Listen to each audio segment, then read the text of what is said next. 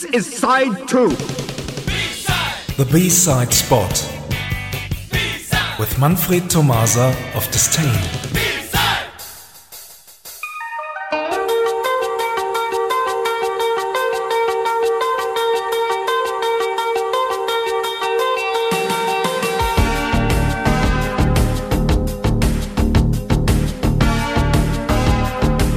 Good evening, everyone. Tonight we close all files to our latest special. There have always been exclusive B-sides since the vinyl started to turn on the record player. But what happened to the exclusive A-sides? Does anyone know them?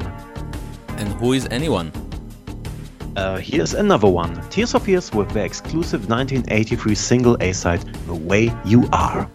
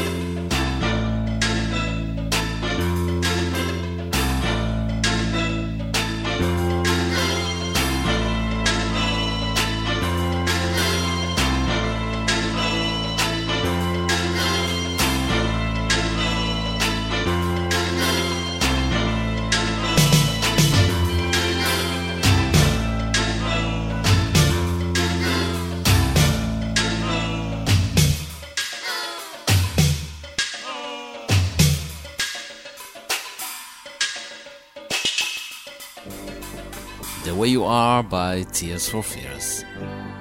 This song was released after the band's debut album The Hurting and before the second album Songs from the Big Chair, so it never made it on a regular studio long player.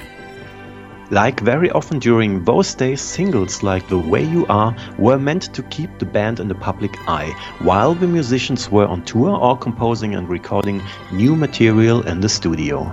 And there were exclusive single B-sides too. This time it is an instrumental composition called The Marauders, and that one was the B-side of The Way You Are. Here are Tears for Fears. Thanks for listening and see you somewhere in time. Thank you very much, Manfred. Bye bye. Bye bye.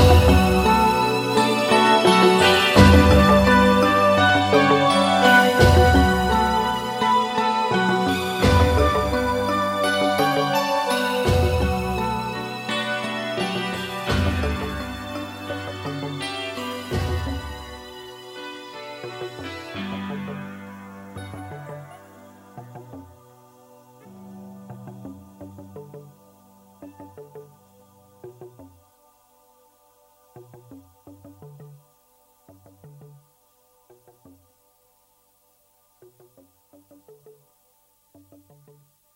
you.